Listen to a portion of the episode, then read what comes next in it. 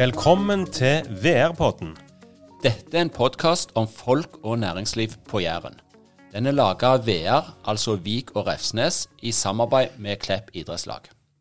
Jeg heter Arild Vik og representerer Skarp reklamebyrå. Vi er sponsorer i Klepp idrettslag. Og Jeg heter Einar Refsnes og representerer IKM, som også er en av sponsorene. I denne podkasten skal vi ha samtaler med bedrifter på Jæren som alle er tilknyttet sponsornettverket i Klepp idrettslag. Vi skal bli kjent med hva bedriftene driver med. Vi skal bli kjent med folk og ledere i bedriftene, og hva disse gjør for å lykkes. Dette er en podkast for deg som vil lære mer om næringslivet på Jæren. Dagens gjest er Torir Hergeirsson. Torir kommer fra Island, men har bodd i Norge siden han kom for å studere på idrettshøgskolen i 1986. Torir er jo mest kjent for å være Klepsbu, men noen kjenner han òg som mangeårig landslagstrener for kvinnelaget i håndball. Eh, du Torir er håndballtrener, men er òg utdanna snekker. Når var det du fant ut at det var ikke snekker du skulle være?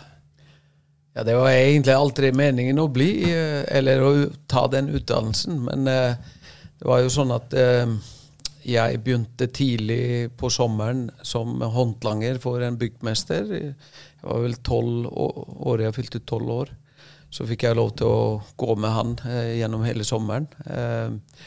og da, etter hvert så, som årene gikk, så foreslo han at eh, om ikke det var bare lurt at jeg skulle gå i lære hos han. Og det syns jeg var en god, god idé.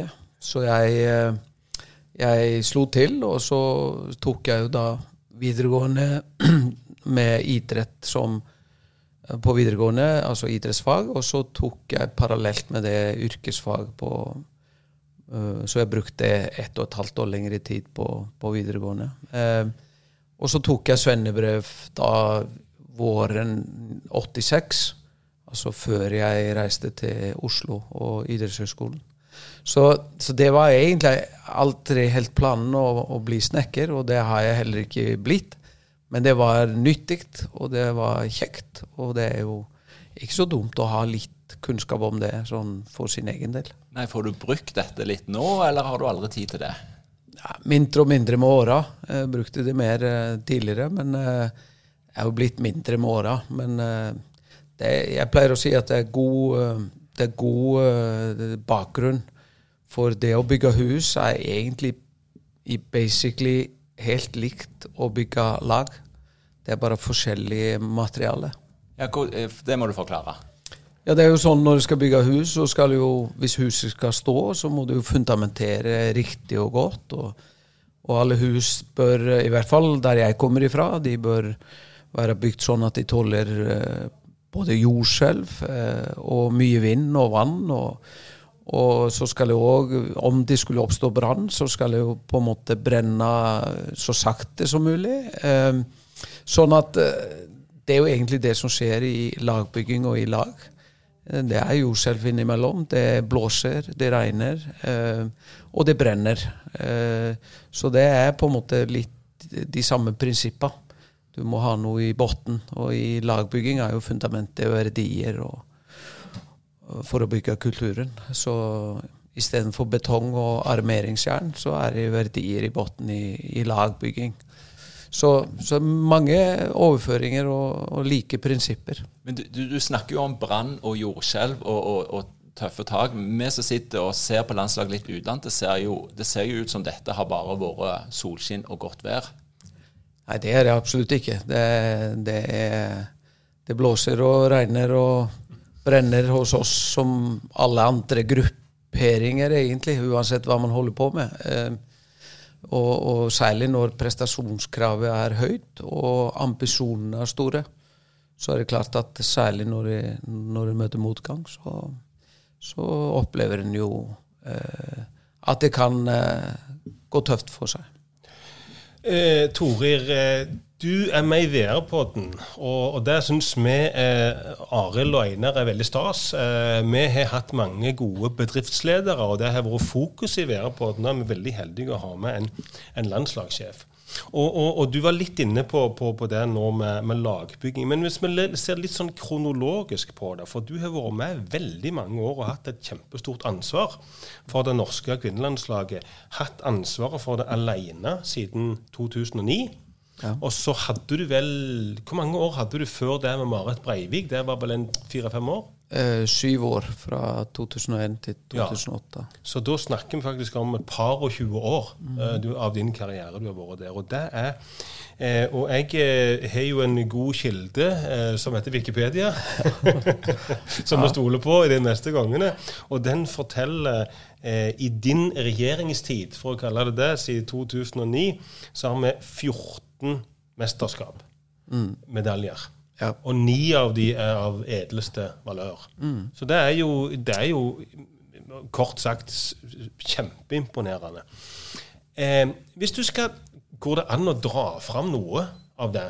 Av de ni og si dette her var veldig spesielt, dette var veldig stas? Ja, hvis en tenker hardt, så, så, er det klart. Men det er jo alltid sånn at du husker den siste best. Eh, det er alltid ferskest.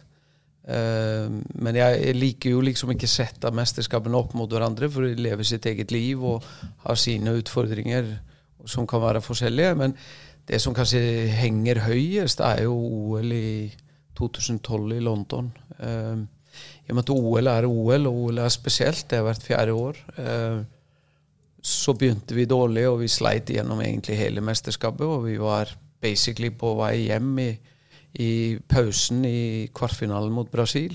Eh, lå bak med sju mål. Og, og, men i, gjennom andre omgang så klarte vi å komme i kapp og komme forbi, sånn at vi tok oss videre. Og, og så vant vi til slutt.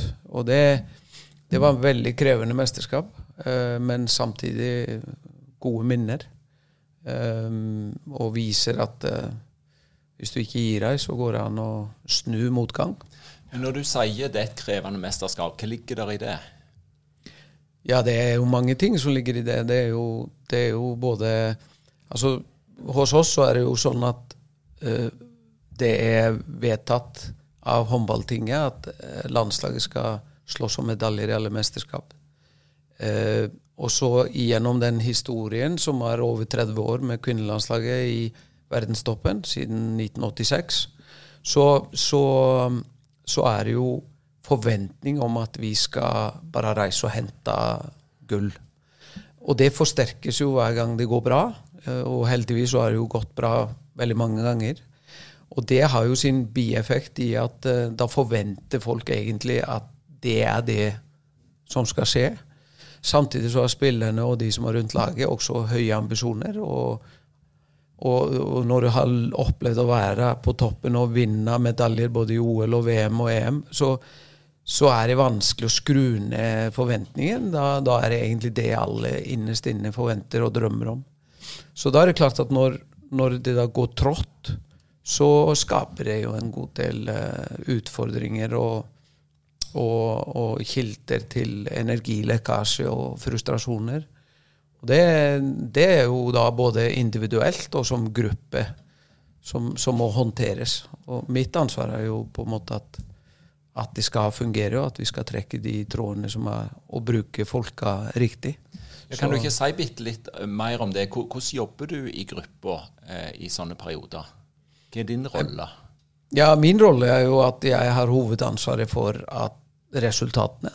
Eh, samtidig så er jeg jo ganske bevisst og og har gode erfaringer med å ansvarliggjøre folk. Eh, vi bruker mye teamarbeid. Vi, I laget er det flere team som har ansvar for ulike viktige områder. Eh, det er et trenerteam, så jeg er absolutt ikke alene. Jeg har med meg svært dyktige kolleger i Tonje og Mats. Eh, vi har et målvaktsteam hvor målet er at vi skal ha den beste målvakten, uavhengig av navn de jobber svært godt sammen og sørger for å både konkurrere med hverandre og pushe, men samtidig støtte. Vi har et kapteinsteam som er et mellomleder har, er et mellomlederledd, forlenget arm fra trenerteamet inn i spillergruppa. Eh, gode ledere, flinke til å ta saker, eh, håndtere de sjøl. Ikke, ikke alle de sakene kommer inn på mitt bord. Eh, vi har, eh, uttal, vi har et team rundt. Vi har et stort helseteam som er vesentlig i toppidrett for å både holde spillerne skadefrie, men også hjelpe dem når skader oppstår. Og prøver å jage at vårt helseteam har topp kunnskap på alt som har med idrettsmedisin å gjøre administrasjonsteam som, som, som, er kollegaer i Håndballforbundet, som sørger for å, logistikken og legge til rette og planlegge og sørge for at alt er på plass når vi skal samles. Og, så det, så, og det der får Under min ledelse så, så, får de som er med, et stort ansvar og tillit til at de gjør jobben. Og så, så er det min oppgave å både, opp, både anerkjenne, men også oppmuntre og sparke de bak hvis, hvis ikke ting fungerer. Det som jo er meget imponerende på den lista som vi ser, Tore, Tor, det er jo at en klarer å gjenskape suksess. Og det er jo noe som alle klubber streber etter, til å, å, bli så gode som de var år etter år. Du hadde Liverpool fotballklubb på 70-tallet, du hadde RBK på 90-tallet med lange Eh, år etter år der de vinner. Hva, liksom, Går det an å si noe om nøkkelen til suksess der? Vinne år etter år. Du er de to siste. Eh, VM i 2001 eh, gull, EM i 2022 gull, for, for ditt vedkommende.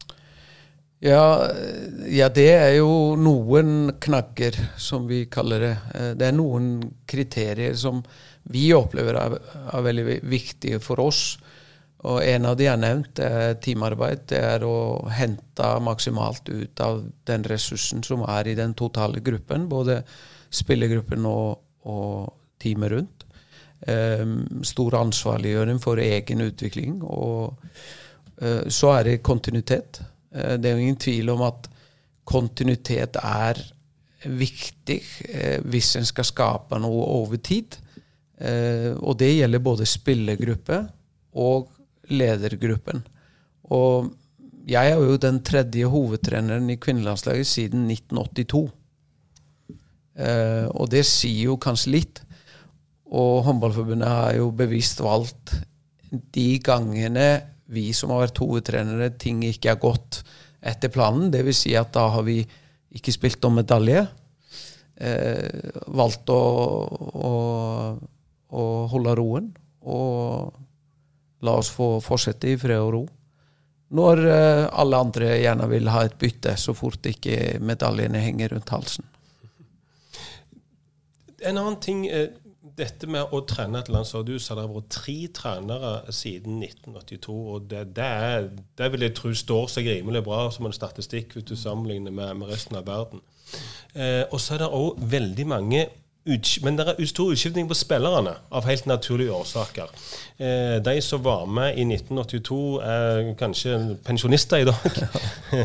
Men eh, dette med at det stadig vekk er utskifting i, i spillergrupper, hva slags step som næringslivet kaller onboarding-prosessen? Du tar imot nye. Hva slags, hva slags strategi har dere der? Ja, det, det, er jo et viktig poeng. Eh, og det er jo sånn at for å holde seg i verdenstoppen i vår idrett, eh, og jeg tipper i, i nesten all idrett, så, så, er jo kontinuitet viktig. Så det betyr at du må ha en kjerne som er med over litt lengre tid. Det har vi lykkes med takket være en god kultur uh, som jentene ønsker å tilhøre. Som motiverer dem til å fortsette. Uh, og rammebetingelser har vi jobba mye for gjennom alle år. Eh, spesielt etter at Marit Breivik tok over i, på begynnelsen av 90-tallet. Så, så, har det stått veldig sentralt å, sørge for gode rammebetingelser for spillerne, sånn at de kan både trene og restituere godt, øh, øh, og i tillegg bli mødre og ha mulighet til å komme tilbake etterpå, altså stifte familie. Sånn at ikke de må slutte den dagen de finner ut at de har lyst på familie.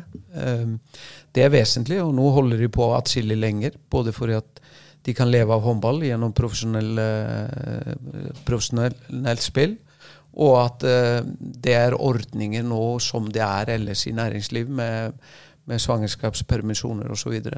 Alle disse tinga forsterker jo at de beste spillerne holder på lenger. Eh, og så gjelder det å få de unge inn, og det er jo det som er den store øvelsen. det er Jo flere gode spillere er med lenger, jo tøffere er det for de unge talentene å slå seg inn. Og da har vi jo etablert siden 2005-2006 så har vi hatt oppe en slags rekrutteringslandslag som de går inn i, de største talentene går inn i når de går ut av juniorlandslag når de er 20 år. Og det er en utviklingsarena. Det er en arena hvor vi gir referanser. De får møte gode lag i landskamper med rekruttlaget. vi jobber med de samme kulturarbeidet, verdiene, spillet, metodene i vårt rekruttlandslag som vi gjør i A-landslag. Sånn at når de, når de, da får muligheten til å komme inn i A-landslag, og har kanskje vært i yngre landslag og rekruttlandslag over lengre tid, så kjenner de jo veldig mye av både spill og metoder og, og, og, og, vet hva som kreves i kulturen. Sånn at de er rimelig brukbart forberedt. Men det er, jo, det er jo gigantisk forskjell på yngre landslag og rekruttlandslag og et A-landslag som har mål og krav om å slåss om medaljer i alle mesterskap. Så, så det må jo læres underveis der vanskelig å lære på, på et rekrutteringslandslag. Mm. Sånn, at, sånn det er en sånn kontinuerlig prosess. Vi må hele tida løfte opp noe nye. Så må vi forsøke å legge rammene til rette for at vi kan ha en kjerne som holder på over lengre tid. Men, men, men du, du, sa to veldig spennende begrep, og, og, de må vi touche innom. Men vi kan ikke snakke mye om dem, for det er hvert egne program i seg sjøl, tenker jeg. Det er verdi og kulturer. Mm. Eh, men, men, du jobber mye med, med lagkultur, og du, du, har verdier. Kan ikke du bare si litt om hvordan, hvordan dere jobber, hva, slags vektlegging dere har der? Ja, det det er jo et langt liv i idretten. Er, jeg begynte å telle. Det er vel 50 år siden jeg begynte Altså det, det, er over 50 år siden jeg begynte å drive med idrett, og da spesielt lagspill. Eh, fotball, håndball. Eh, og så lærer en jo så lenge en har lyst til å lære. Og forhåpentligvis så lenge en lever, men det er jo ingen garanti. Man lærer så lenge man har lyst til å lære. Eh, og det Jeg føler at det i toppidretten ofte blir glemt. Eh, man er så opptatt av særlig i senere tid, av de geniale taktiske trekka. Eh, teknologien analyserer alt i minste detalj. Og det er også en viktig del av toppidretten for å være godt forberedt. Men samtidig så glemmer man veldig den biten som handler om kulturen som en er avhengig av at skal være der, og en forutsetning for å kunne prestere. For ukultur eller dårlig kultur den skaper energilekkasje, frustrasjoner og forstyrrelser. Og det er jo det som gjør ofte at de beste ikke håndterer eh, håndterer situasjonen når det virkelig gjelder. Så er det ofte det som, som er grunnen til at ikke man får til strategien og taktikken. Eh, mer enn at ferdigheten ikke er her. Eh, men det er mer at eh, du har blitt forstyrra, du har fokuset ditt feil plass. Eh, det opplever vi i hvert fall. Og vi har fått veldig god bekreftelse på det noen av de gangene som vi heldigvis ikke har vært i kamp om medaljer. For det er vel kanskje de mesterskapene en har lært mest om hva som virkelig er viktig eh, for å ha gode forutsetninger for å slåss om medaljer så er det jo sånn at du har aldri garanti, for at det er jo andre motstandere. De er gode, de òg. De trener, de jobber hardt. Sånn at du kan jo prestere på ditt beste, men du kan fortsatt uh, ryke. Og, og, det er i og for seg helt greit. Men det er verre hvis du føler at kulturen og, og det verdibaserte arbeidet har vært sluntra unna med, som gjør at vi får for mange saker og forstyrrelser inn i en hektisk uh, mesterskapsperiode som var to og en halv uke. Uh, og den kan ødelegge egentlig alt. Og da, da, blir det sånn at kulturen slår strategien i ti av ti tilfeller. Men, men nå, nå, er det jo eh, tid mot, uh, mot, VM nå i, i vinter. Men, men, hvordan er dine dager fram, fram til det? Er det fredelig og godt, og kan du springe ut og fiske og bare slappe av til mesterskap? Eller, eller hvordan er, er, de neste månedene for deg mot et mesterskap? Ja, det er, jo, det er jo fint at du spør, for jeg møter jo stadig folk som, som hilser, og så sier de ja, du har vel fri nå frem til desember. eh, nå er det jo sånn til opplysning, så er jo landslagssjefrollen i norsk håndball er jo veldig annerledes enn mange andre har det. Eh, det er en type sportssjefstilling eh, kombinert med å være trener for landslaget. Og det, det betyr jeg har ansvaret faglig for alle jentelandslagene. Det er altså et ungdomslandslag, et juniorlandslag, rekruttlandslag og et A-landslag. Altså fire landslag. Jeg har ansvaret for de trenerteamene som er eh, ansatt til å, å, utvikle disse spillerne og, og lede lagene. Eh, jeg har i tillegg budsjettansvaret for hele kvinnesida. Eh, I tillegg så jobber vi tett med Olympiatoppen med de fagressursene der innenfor psykologi, eh, fysisk trening, ernæring, kosthold eh, osv. Mentalt, ikke minst. Og det, der har vi prosjekter gående med det vi kaller optimalisering av prestasjoner for våre utøvere. Og mitt ansvar er å koordinere det, sørge for at de rette spillerne får de rette ressursene til å hjelpe dem å bli bedre. Uh, Eh, jeg holder rundt et helseteam, eh, har ansvaret for at det fungerer, og at de er, de er on track. Eh, så jeg har på en måte imellom samlingsaktivitet så er det mye ledelse, management, prosjektkoordinering. Og så er det selvsagt sånn at vi reiser en del rundt, treffer spillerne imellom samlinger. Vi, vi har mye mindre samlingsdøgn i dag enn vi hadde når jeg begynte i 2009 verden er i endring innenfor idretten òg. Vi, vi, hadde 84-85 døgn i et vanlig landslagsår med ett mesterskap i 09. Nå i 2023 har vi 60, så vi har mista en måned. Og Det gjør jo at det, den jobben og kontakten vi har med spillerne vi i trenerteamet imellom samlinger, blir viktigere. Og Det er derfor vi jobber mye med å selvstendiggjøre spillere. De må ta ansvar for egen utvikling. De må være sin første trener. Eh, og mye av arbeidet gjennom yngre landslag gjennom hele prosessen går ut på akkurat det. Men, men får du, det, det, høres jo travelt ut. Får du noe tid som helst til, til andre ting enn håndball? Ja, ja. Det er, bare, det er jo 24 timer i døgnet. Så, så, jeg pleier å si det er 24 timer i døgnet, mens mange sier at det er bare 24 timer i døgnet. Jeg syns 24, 24, timer er ganske bra. Jeg, nei, jeg lever litt i nuet i, i, mange sammenhenger, men jeg liker jo å komme meg ut. Gå turer. Eh, fiske. Særlig sommer, vår, sommer, høst-delen. Eh, så prøver jeg å komme ut i elva eller i et vann og prøve lykken. Eh, forsøke å få tak i en finørret eller en laks. Så det syns jeg er, en, det er kjekt. Det er spenning. Og det er en veldig sånn, god kontakt med naturen, og så får du kobla helt av. Og det er en god ting. Så det er ikke, det er ikke landslagsuttak som spinner rundt mens du, mens, eh, du jakter, egentlig jakter etter ørreten? Jo, det gjør det faktisk, men ubevisst. For. Eh, hjernen jobber jo sånn. Eh, det er jo fantastisk med hjernen at hvis vi gir hjernen fri fra et eller annet som vi går og grubler på, så fortsetter jo hjernen å bearbeide det. Det kjenner dere sikkert til.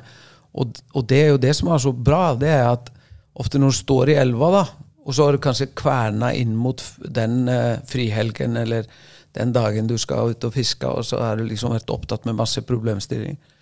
Og så er du bare der i elva. Og så er du selvfølgelig kanskje innom sånn i tankene, men så plutselig så faller ting på plass. Og det er jo sannsynligvis fordi at da har man orket og fått gitt hjernen fred og ro til å bearbeide informasjonen. Spennende. Veldig bra. Eh, vi, vi, snakket jo litt i innledningen om at du er jo strengt tatt mest kjent som Kleppsbu, og så er det noen som vet om det landslagsdelen av det. Mm. Men, men, men, du har et, et nært forhold til Klepp idrettslag? Og har vært engasjert her i, i forskjellige roller. Fortell litt om Du bor på Klepp og, og engasjementet ditt her lokalt. Ja, jeg, jeg, bare sånn uh, Innledningen til det, det Jeg har vokst opp i litt sånn tilsvarende miljø på Island, altså Selfoss, min, mitt hjemsted, et fleridrettslag, hvor jeg fikk lov til å være med både som aktiv, men også være med og ha ulike roller. For vi, vi ble engasjert tidlig til å være med og, og skape vår egen aktivitet, som jeg er veldig glad for i dag. Sånn at der jeg kjente meg veldig igjen når jeg kom til Elverum i sin tid. Også et fleridrettslag i sin tid. Og så, var jeg innom Nærbø, som òg er en breddeklubb med fleridrett. Og så når vi flytta til Klepp i 97, så, så, var det naturlig for meg å, å, å være interessert i idrettslaget her. Uh, også fordi at våre unge skulle jo inn igjennom både barneidrett og forskjellige idrettsgrener på sin reise som barn og ungdom. Eh, og da er det jo naturlig i norsk idrett også at foreldrene er jo en viktig ressurs. Så da, da har jeg vært med litt i ulike roller og, og omfang. Eh, selv om jeg reiser mye, så har jeg prøvd å bidra når jeg, når jeg er hjemme. Det er vel en legendarisk sak eh, som du alltid har bidratt til, det, og som gir mye fokus til Klepp idrettslag. Det er denne potetcupen. Stemmer ja. ikke det? det, det har, den har ligget ditt hjerte litt nær, stemmer ikke det? Jo, veldig. For eh, når jeg kom til Norge i 86, så syns jeg minihåndballen allerede da, altså så langt tilbake som da, var veldig uh, veldig begrensa, var veldig sånn på voksnes premisser. Uh, det var på en måte en minihåndball som ble spilt som en voksenhåndball. Alle skulle stå på seks meter, og, eller på fem meter, som det heter i minihåndballen. Og, og, ikke få lov til å bevege seg fra linja og, og alt det her. Så jeg, jeg, jeg, var tidlig i gang med å prøve å påvirke det. Og så når jeg da begynte å engasjere meg i håndballen her med mine unge, så syntes jeg det var ypperlig å, å bryte litt eh, tradisjonen og lage en håndballturnering som hvor det var lov å springe litt fritt rundt og lage litt kaos. For det er jo egentlig det barn gjør. Hvis du kaster inn en ball, så går ikke de og, og, i en 6-0-formasjon. De, de, jakter ballen. Og det er helt naturlig, og vi dreper det altfor tidlig i, i, i leken. Så, så, det var jo en av grunnene. Og så, så, var det også for å prøve å lage noe for de minste. Eh, lage en turnering hvor det var hovedsak å spille og delta. Færrest mulig på benken, flest mulig på banen. Legge litt sånn lek og moro i, i pausen imellom. Og stor aktivitet. Og, og idrettsglede var jo egentlig stikkordet. Og fritt, relativt fritt spill. da. Målvakten kunne spille ute og, og alt det her. Og det Ja, den lever ennå. Men, men, det sporer meg inn på et litt sånn overordna spørsmål. da, for, for, for, Vi vet jo det i fotball òg. Eh, da var det sånn at eh, for 40 år siden så var du venstre back, så var det der du sto hele kampen. Og det var stor bane. Om du var seks år, like stor bane som ja. det var 36 ko-ko i dagens lys, men sånn, sånn var det. Men, men, men, det du har sett i utviklingen når det har blitt litt mer idrett på barns premisser, når du ser det igjen som seniorer, hva, hva slags forskjeller ser du nå og hva si, 30 år siden? Nå kan jeg bare snakke på vegne av min, den idretten jeg har vært mest i, altså håndballen, så, så har jeg jo sett ekstremt mye. Eh, når jeg vokste opp, så, så, var det nesten en forutsetning for gutter og hvis de skulle spille på et seniorlag og være bakspillere, så måtte de være rundt to meter. Eh, da dominerte jo Sovjet, eh, Sovjet herrehåndballen, og det var liksom Jeg ble dytta ut på kanten for jeg var ikke høy nok til å være playmaker. I dag ser vi alle kroppsfasonger. Eh, små, raske, lange tometers eh, gutter og 1,90 meters jenter. Eh, og så har vi de bitte små, raske, tekniske spillerne. Vi har breie og smale og raske og langsomme. Eh, håndballen har utviklet seg veldig til å bli egentlig en sport for absolutt alle. Forutsatt at du, du utvikler noen spissferdigheter. Det er det ene. F.eks. håndballen har også utviklet seg sånn at det, du er ikke lenger en høyre back eller en venstre back eller en midtspiller. Du er bakspiller. Og du må håndtere gjennom spillet og havna på motsatt side uh, og løse spillet. I hvert fall på et OK nivå. Og det, er, det, har jo gjort noe med spillerutviklingen. Og, og, vi ser jo flere spillere håndtere mer i dag enn før. Da var det mer sånn at du hadde din planke på høyre bekken eller venstre bekken, og havna du en annen plass, så ble du helt forfjamsa og måtte finne først, fortest mulig tilbake til den planken. Eh, så det er et eh, helt annet spill i dag. Fotballen har jo òg utvikla seg, men jeg er jo ikke, ikke ekspert der. Men jeg, men jeg, husker den tida. Ja, så det er litt sånn allsidighet så kanskje som er stikkordet her. Eh, for allsidighet begynte en jo med når en lagde nye regler for barneidrett for en sånn 30-ish år siden. Det er der vi ser resultatene av nå, kanskje i større grad enn før. Ja, som en, en, en del av det, så, så, er det jo klart at Uh, allsidighet mener jeg er veldig lurt og godt for alle. Uh, ikke minst fordi at bare hvis vi tenker fra et sånn uh, folkehelseperspektiv, få prøve forskjellige ting og finne ut av hva, hva liker for meg, og hva finner jeg glede i. tidlig spissing, det blir snevert. og så er det jo masse sånn kroppslige og fysiologiske og alt sånn gode basis ting som du lærer deg når du er innom forskjellige idretter. Men så blir det jo til at du må spisse inn mot din idrett hvis du virkelig skal opp i den ypperste eliten. Men man har som regel bedre tid, og det viser seg at, man, at de utøverne har ofte bedre basis for det hvis de har fått lov til å holde på med litt fleridrett litt lenger inn i ungdomsåra. Så, så, det er liksom Det fins de som er gode på best i verden i dag i idrett, som bare har drevet med den idretten. Så det er mulig, men, men jeg tror sånn for mengden så tror jeg det er, er fornuftig. Og, og, så er det jo også sånn det er bare en promille som når toppen. Men, men så skal vi rekruttere dommere og trenere og tilhengere og sponsorer og, og dugnadsfolk og sånn. Så, så, jo lenger vi klarer å holde folk med inn i idretten, jo større supportere og, og, og, ressurser har vi forhåpentligvis. Mm, mm. Vi skal gå litt eh, Torir, inn på et, et annet tema. og det, det, går litt i hva er likhetstrekkene mellom å lede et håndballag og lede en bedrift. Eh, fordi du har engasjert deg i et lederutviklingsprogram her mm. i Klepp idrettslag, der en del av sponsorene, som også er ledere for sine bedrifter til daglig, er, er, med på, på, et utviklingsløp. Kan, kan, ikke du fortelle litt om hva, hvem dette er for noe? Jo, det kan jeg. Eh, og da vil jeg innlede med å si det jeg alltid sier, og sa til den gjengen som var med nå i, i dette programmet som vi har, har jobba, lagd sammen med idrettslaget. Det er at jeg vet ikke hva dere kan lære av meg. Eh, men jeg kan dele det vi holder på med i landslaget har gjort over lang tid, som har gitt oss god effekt og gode, gode resultater. Eh, og det er vel kanskje det jeg, jeg føler det jeg skal være ydmyk. Jeg har aldri vært en bedriftsleder. Så, så, det er viktig å ha med. Men samtidig så er jeg overbevist om at det er mulig å trekke erfaringer begge veier. Definitivt begge veier.